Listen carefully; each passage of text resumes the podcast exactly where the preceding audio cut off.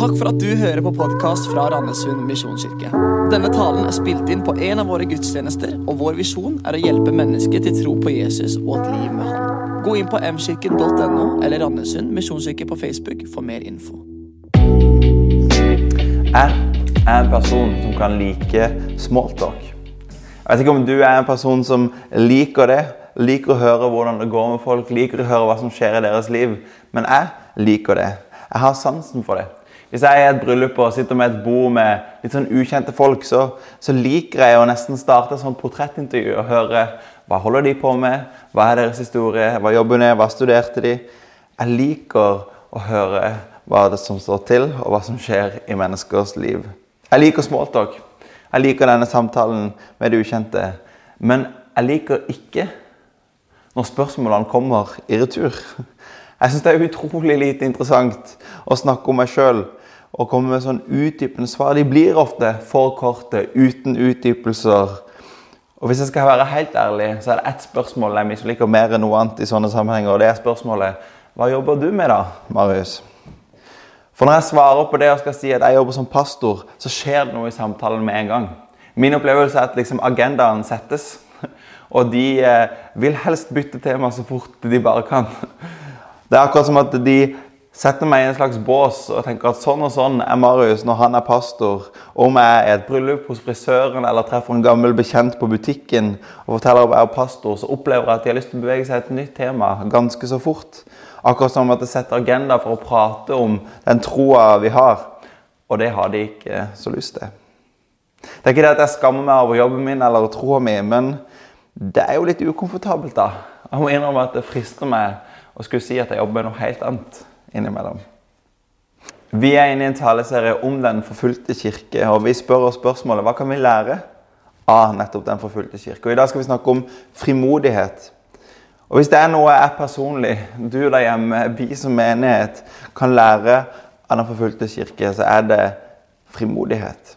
Mens ord som ubekvem, ukomfortabelt beskriver min opplevelse av å dele tro, så er det helt andre ord som beskriver det de forfulgte opplever i deres formidling av evangeliet.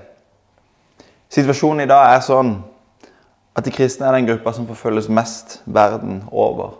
Det er 304 millioner som lever i det som kalles høy eller ekstrem høy grad av forfølgelse. Det er én av åtte kristne det, som opplever dette. Og De senere årene har forfølgelsen tiltatt. I 2014 var det ett land som var regna som et, et, land med ekstrem grad av forfølgelse. Men i 2020 så er det elleve land med samme parameter for å kalle noe for ekstrem grad av forfølgelse.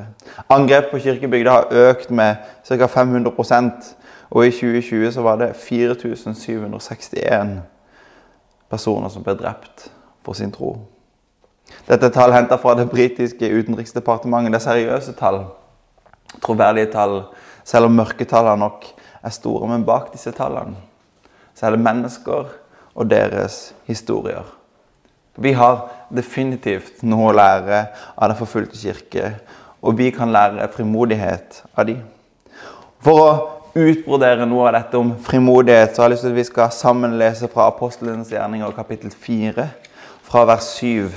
Og der står det De lot apostlene bli ført fram og forhørte dem. Med hvilken kraft og hvilket navn har dere gjort dette? Da ble Peter fylt av Den hellige ånd, og han svarte dem, rådsherrer og eldste i folket. Når vi i dag blir forhørt pga. velgjerningen gjort mot en syk mann, og blir spurt hvordan han har blitt helbredet, så skal dere alle og hele Israels folk få vite dette. Når denne mannen står frisk foran dere, er det ved navnet Jesus Kristus, Nasareeren, han som dere korsfestet, men som Gud reiste opp fra de døde. Han er blitt steinen som ble vraket av dere bygningsmenn, men som er blitt hjørnesteinen. Det finnes ikke frelse i noen annen, for under himmelen er det ikke gitt menneskene noe annet navn som vi kan bli frelst ved.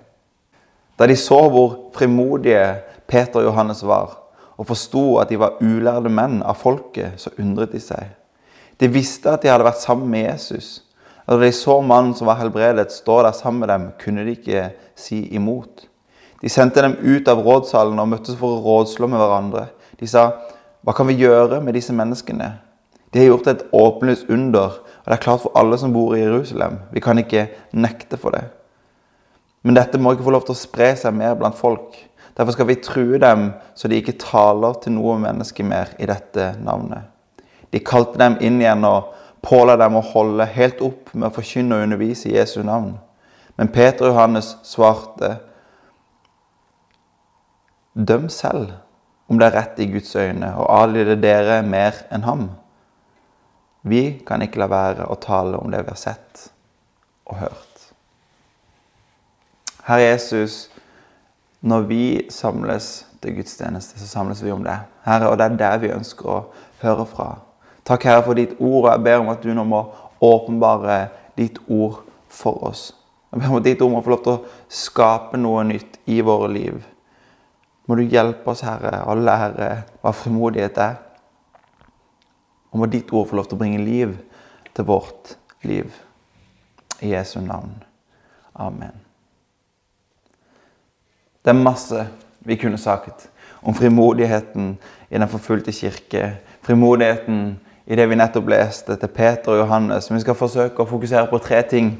Tre ting som forhåpentligvis kan være til oppmuntring, til inspirasjon og til utfordring. For er det noe jeg blir av den forfulgte kirke, så er det nettopp det at jeg blir utfordra. Og Det første jeg har lyst til å si noe om i dag, det er frimodighet tross forfølgelse. For det tar ikke lang tid før etter Jesu oppstandelse etter pinsedag, før disiplene begynner å møte motstand og forfølgelse. Vi leste her i kapittel 4 i Apostelens gjerninger. Her har Peter og Johannes forkynt for folket, og de har nettopp helbreda en mann. Og så blir de fengsla og tatt inn til avhør. Og I avhøret så får de rene ord for penger fra Peter. Og Peter sier at det fins ikke frelse i noen annen. Under himmelen er det ikke gitt menneskene noe annet navn vi kan bli frelst ved. De ser frimodigheten til disiplene, og de forundrer seg. De rådslår med hverandre. Hva skal vi gjøre med disse menneskene? Eller de spør hvordan kan vi få stoppa dem? De bestemmer seg for å true disiplene med å aldri mer forkynne i Jesu navn. Og Denne hendelsen markerer på mange måter liksom starten av forfølgelsen i apostlenes gjerninger. Og forfølgelsen følger disiplene og kirka gjennom resten av boka. Og Forfølgelse det følger også de kristne i dag. Og på samme måte som med Peter og Johannes som ikke lar seg stoppe, så forholder den forfulgte kirke seg heller ikke tause, tross forfølgelsen. Under Sovjetunionens velde så ble de kristne utsatt for en massiv forfølgelse. Flere millioner kristne blir bare borte, blir henretta, internert. Noen blir satt i fengsel. Og Til tross for denne intense forfølgelsen så uttalte kommunistiske ledere på slutten av 80-tallet seg på denne måten. Vi har tapt. Vi klarer ikke å skremme de kristne til stillhet ved å true dem med døden. De frykter selv ikke døden, så nå er kampen tapt. Kanskje sier vitnesbyrdet til de kommunistiske lederne noe om nøkkelen til den forfulgte kirke enorme frimodighet. Hva er det som gjør at de frimodig vitner også i tro? Hva er det som gjør at de frimodig bekjenner Jesus når de får valg om å leve og frasi seg troa, eller å holde fast ved sin tro og dø? Hva er det som gjør at de velger å bekjenne Jesus likevel? Som to iranske kvinner uttrykte det når de får tilbud om å leve eller å fortsette å holde seg til sin tro, så sier de vi er ikke redde for å dø. Men vi er redde for et liv uten Jesus Kristus som vår Herre. Kanskje frykter de ikke døden. Hvorfor? Jo, fordi de har funnet noe som er så utrolig mye mer verdifullt enn sitt eget liv. Paulus han var en som fikk virkelig smake forfølgelsen på kroppen. og I Filippane 3 i Det nye testamentet så understreker han noe av det samme som disse iranske kvinnene uttrykte. Han viser til det han har lykkes med i sitt liv. Han som før han ble kristen, var en virkelig suksessfull mann. Han som var rett ett, hadde gått den rette skolen, hadde den rette utdannelsen. Han som var høyt akta og ansett. Og om alt dette så sier han Men det som før var en vinning for meg, det regner jeg nå for Kristis skyld som tap. Jeg regner alt som tap fordi å kjenne Kristus, Jesus, min Herre, er så mye mer verdt. For hans skyld har jeg tapt alt Og alt jeg har tapt, regner jeg som verdiløst skrap, bare jeg kan vinne Kristus. Paulus understreker at det som før var viktig, det ser han nå på som verdiløst skrap. For det å vinne Kristus, det er så mye viktigere. I 2010 arrangerte den internasjonale Lausanne-bevegelsen en konferanse i Cape Town, hvor bl.a. hovedpastor Jarle var deltaker. Og under denne konferansen med 5000 kirkeledere fra hele verden, så var det et vitnesbyrd fra en 18 år gammel jente ved navn Gyong Yu Sun, som gjorde størst inntrykk på alle som var der. Yu Sun hun ble født inn i en høytstående familie i Nord-Korea. Og faren var en politisk samarbeidspartner til diktatoren i Nord-Korea. Etter hvert så havner dessverre Yosuns far i unåde hos diktatoren, og hele familien flykter for livet til Kina. Og I Kina så blir Yusons foreldre kristne. Men etter bare noen måneder så dør mora med deres gravide barn i magen av leukemi, av kreft. Men til tross for denne familietragedien så vokser bare troa i Josuns far. Og han kjenner et kall om å dra tilbake til Nord-Korea. Landet han har flykta fra, dit vil han dra tilbake for å forkynne evangeliet. Han har fått lov til å møte Jesus, og alt han ønsker, er å gi dette videre tilbake til sitt folk. Men i 2001 blir far plutselig arrestert av kinesisk politi og blir sendt tilbake til Nord-Korea. Her sitter han i fengsel i tre år, men etter tre år i fengsel blir Josun endelig forent med sin far igjen.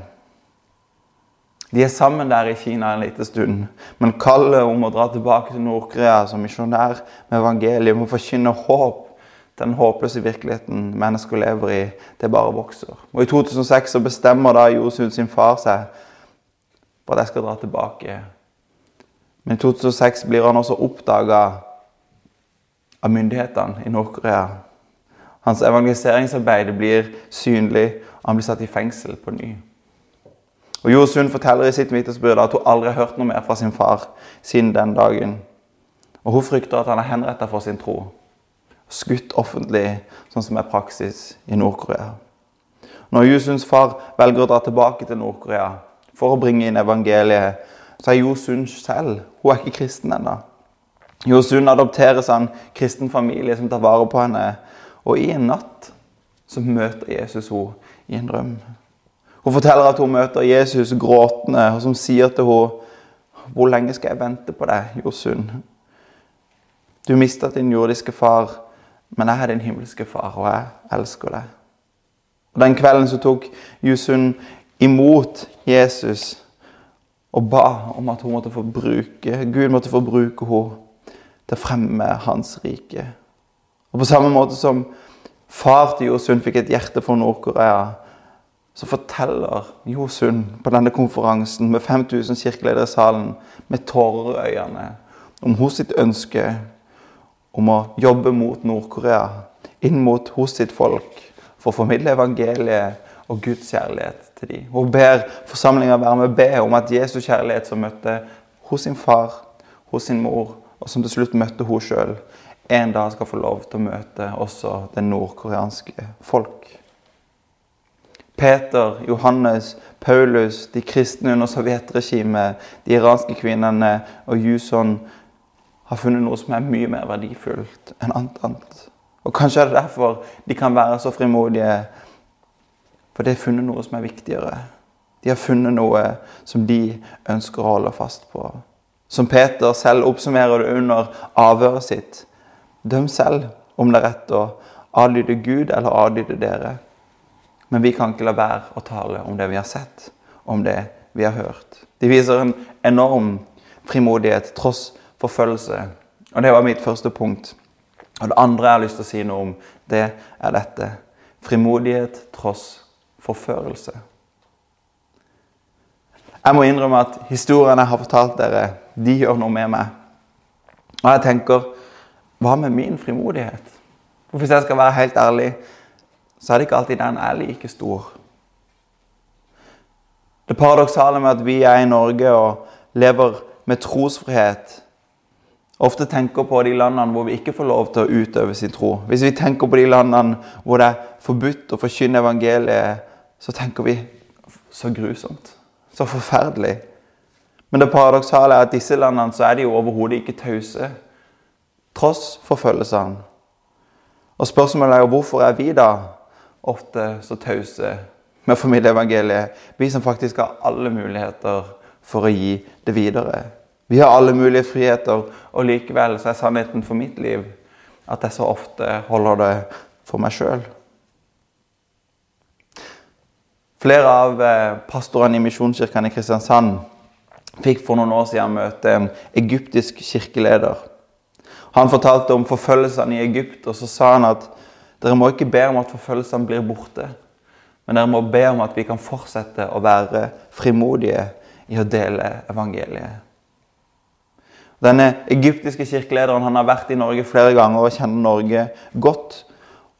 Og Mange av pastorene i Kristiansand beit seg merke i noe av det han sa om situasjonen i Norge. Han sa jeg vil ikke la mine barn vokse opp i Norge. Han ville ikke at de skulle vokse opp i Norge. Han visste om forfølgelsen i Egypt. Han visste at det kom til å prege barna sine liv. Men han så på forførelsen i Norge som mye verre. Og så får det meg til å tenke Er det forførelsene som, som gjør meg taus? Og hvis jeg skal være helt ærlig, så er det kanskje nettopp det som gjør at jeg er taus om min tro. For jeg har så mye å miste. Jeg er redd for hva folk tenker om meg. Jeg er redd for om folk ikke lenger vil like meg. Jeg er redd for om folk vil eh, oppleve det ubehagelig, ukomfortabelt. Jeg er redd for å bli holdt utenfor. Jeg er redd for å miste mulighetene. Jeg er redd for å miste posisjonen hvis jeg er tydelig med min tro. Kanskje er det mange som tenker jeg får kanskje ikke den jobben. Jeg får kanskje ikke den posisjonen hvis jeg er tydelig med min tro. Og Da går det kanskje utover pengene mine, da går det kanskje utover mitt navn og mitt rykte. Jeg har masse å miste. Faktum er at vi har så mye å tape at vi kanskje lar være. Men kanskje vi kunne lære noe av den forfulgte kirke. Hva er det som faktisk er viktigst for meg? Er det sånn at alt jeg eier, egentlig bare eier meg? Eller tilhører jeg noen andre? En annen egyptisk kirkeleder som ble fortalt om at troa i Norge nesten var blitt en privatsak, så reagerte han omtrent med sjokk, og så sa han Men hvem skal da formidle hvem Jesus er, til familie og venner, hvis ikke jeg gjør det? Og det er jo et ganske godt spørsmål. Hva er det som er viktigst for meg i mitt liv? Søster Chang en kinesisk bibelkvinne som reiste rundt som evangelist. Hun var på besøk i en liten kinesisk by, og så var hun i bønn til Gud om hva han kunne bruke henne til der. Og Gud talte til å dra ned til politistasjonen og stille på trappa der og forkynne Guds ord. Og så hun visste at dersom hun gjorde det, så ville hun bli arrestert på flekken. Derfor spurte hun Gud en gang til om det var det hun ville skulle gjøre, men Gud bekrefta akkurat det. Og lydig dro søster Chang til politistasjonen og stilte seg opp på polititrappa på den lokale politistasjonen og begynte å forkynne Guds ord. Det tok ikke mer enn et halvminutt før hun var arrestert, og i løpet av kort tid ble hun dømt til seks måneders fengsel. Men faktum var at det var aldri polititrappa som var Changs talerstol, men det var fengselet hun kom til. I et kvinnefengsel med 6000 innsatte så leder søster Chang 800 kvinner til tro på Jesus i løpet av de seks månedene hun er i fengsel. Og Dagen hvor hun skal løslate, så blir hun kalt inn på teppet til fengselsdirektøren.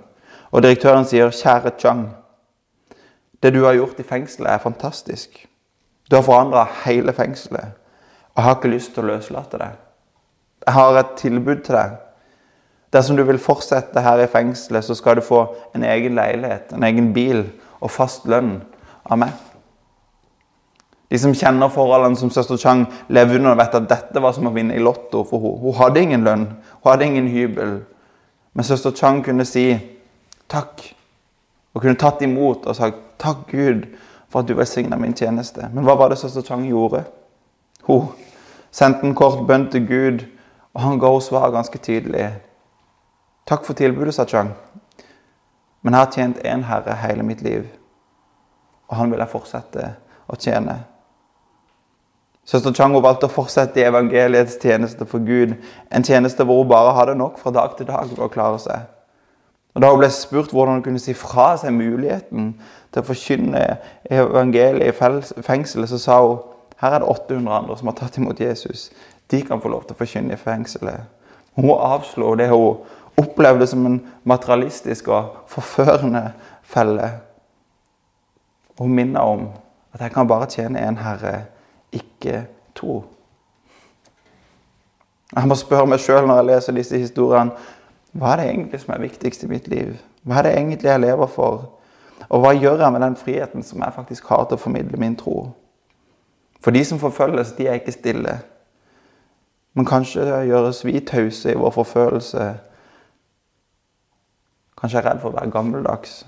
Kanskje jeg er redd for mitt gode navn og rykte. Vi snakker om frimodighet tross forfølgelse. Frimodighet tross forførelse. Og det siste jeg har lyst til å si noe om, det er frimodighet på grunn av Frelseren. Når jeg har forberedt denne talen, så har jeg bekymra meg for én ting. Og det er at det eneste du skal sitte igjen med, det er dårlig samvittighet. For jeg har hørt mange taler om frimodighet opp gjennom årene. Og veldig ofte så lander det akkurat der.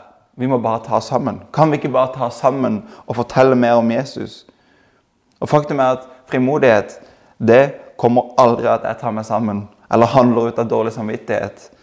Men frimodighet kan man bare ha av Han som er vår frelser, nemlig Jesus. I teksten vi leste innledningsvis, så legger jeg merke til noen ting med Peters frimodighet. Vi leser bl.a. at de førte apostlene fram og forhørte dem og spurte hvilken kraft gjør dere dette. Og så står det da ble Peter fylt av Den hellige ånd og svarte. Peters frimodighet i møte med avhøret det hadde sitt grunnlag i at han var fylt av Den hellige ånd. Og jeg tror det samme gjelder for oss. Det handler ikke om å være fylt av dårlig samvittighet eller skam eller skulle ta seg sammen. Men det handler om det som står i Apostelsgjerninga 1,8, hvor Jesus sier til disiplene dere skal få kraft i Den hellige ånd kommer over dere til å være mine vitner i Jerusalem, i hele Judea, i Samaria, like til jordens ender. Dere skal få kraft i Den hellige ånd kommer over dere til å være mine vitner. Og vet du noe, Dette er min bønn så veldig ofte. For jeg syns dette er utfordrende. Man skulle være frimodig med min tro. Og dette er min bønn til Jesus så ofte. Herre, Helligånd, kom over meg med kraft, så jeg kan få lov til å være ditt vitne. Kom over meg med kraft. For jeg vet at det ikke hjelper med min dårlige samvittighet eller min tanke om å ta meg sammen på lang sikt. Jeg trenger, Herre, at du fyller meg med frimodighet. I slutten av teksten så finner vi også en annen fin detalj i det vi leste. og det står at Da de så hvor frimodige Peter og Johannes var, og forsto at de var ulærde folk, så, så undra de seg. Og så står det bare en nydelig setning. De visste at de hadde vært sammen med Jesus. De visste at de hadde vært sammen med Jesus. De skjønte at de hadde vært sammen med en som betydde noe for dem. De gjorde en forskjell. At de hadde vært sammen med Jesus. Det var noe spesielt med dem hvorfor de hadde vært sammen med Jesus. Hvorfor kan jeg være frimodig? Det er aldri på grunnlag av skam eller dårlig samvittighet. Nei, men det er fordi jeg er fylt av Den hellige ånd. Det er fordi jeg har vært sammen med Jesus. Det er fordi jeg har fått tak av hans kjærlighet. Jeg har fått tak på hans kjærlighet for meg. Og Derfor kan jeg få lov til å gi det videre. Det handler aldri om å ta seg sammen. Det handler om at evangeliet virkelig kan få lov til å forvandle mitt liv. At Guds kjærlighet kan få lov til å forvandle mitt liv og utruste meg til å gi det videre. Peter sier i sitt avhør vi kan ikke la være å tale om det vi har sett om det vi har hørt. Og hvordan kan det være vårt svar? Og Det handler om å forstå at Jesus han vedkjente seg meg først. Derfor kan jeg også vedkjenne meg han i møte med andre. Det handler om at Jesus han formidla sin kjærlighet til meg først. Og da kan jeg få lov til å formidle den videre. Det handler om at Jesus ga sitt liv. Jesus ga alt for meg. Og da kan jeg få lov til å gi alt tilbake til han. Der på grunn av Han som er vår frelser, ligger grunnlaget for frimodighet. Jeg vet ikke hvordan dette lander hos deg, men kanskje kjenner du sånn som meg, at historien om den forfulgte kirke den utfordrer enormt. Og kanskje du kjenner som meg at nesten smerter i ditt indre når du tenker på alle mulighetene og frihetene vi har til å formidle hvem Jesus er. Og så har vi så lett for å forholde oss tause likevel. Og kanskje kan din bønn være den samme som min fra Apostelens gjerning 1,8. Hellige Ånd, kom over med kraft, så jeg kan være ditt vitne. Jeg ber Jesus, må du lære meg at, du vedkjente deg meg først. Og kanskje jeg kan vedkjenne meg deg i møte med andre. Jesus, du formidla din kjærlighet til meg først. Lær meg å formidle den andre rundt meg. Du ga alt for meg, Herre Jesus. Og lær meg å gi alt tilbake til deg. Du som er det mest verdifulle jeg har. La oss be sammen til slutt. Herre Jesus, deg for at du ga alt for oss. Takk for at du vedkjente deg oss først. Takk for at du elska oss først. Og Den kjærligheten kan vi få lov til å få tak i. Må den kjærligheten få lov til å forvandle oss fra innsida ut. La det grunnlaget gi oss frimodighet, Herre, til å dele med andre hva vi har fått lov til å motta. Hjelp oss å komme dit som Peter var. Vi kan ikke la være å fortelle om det vi har sett og hørt. For vi vet at det er det beste vi kan gi videre til de menneskene vi har rundt oss. Den egyptiske kirkelederen sa hvis ikke jeg gjør det, hvem skal da formidle Jesus til min familie og mine venner? Herre Jesus, lær oss. Helligånd, kom over oss med kraft, så vi kan få lov til å være dine vitner. Vi ber for oss, Herre, og vi ber for den forfulgte kirke. La oss midt i forfølgelse og forførelse være frimodige i å formidle hvem du er, og gi det videre til de menneskene du elsker og du lengter etter å møte. I Jesu navn. Amen.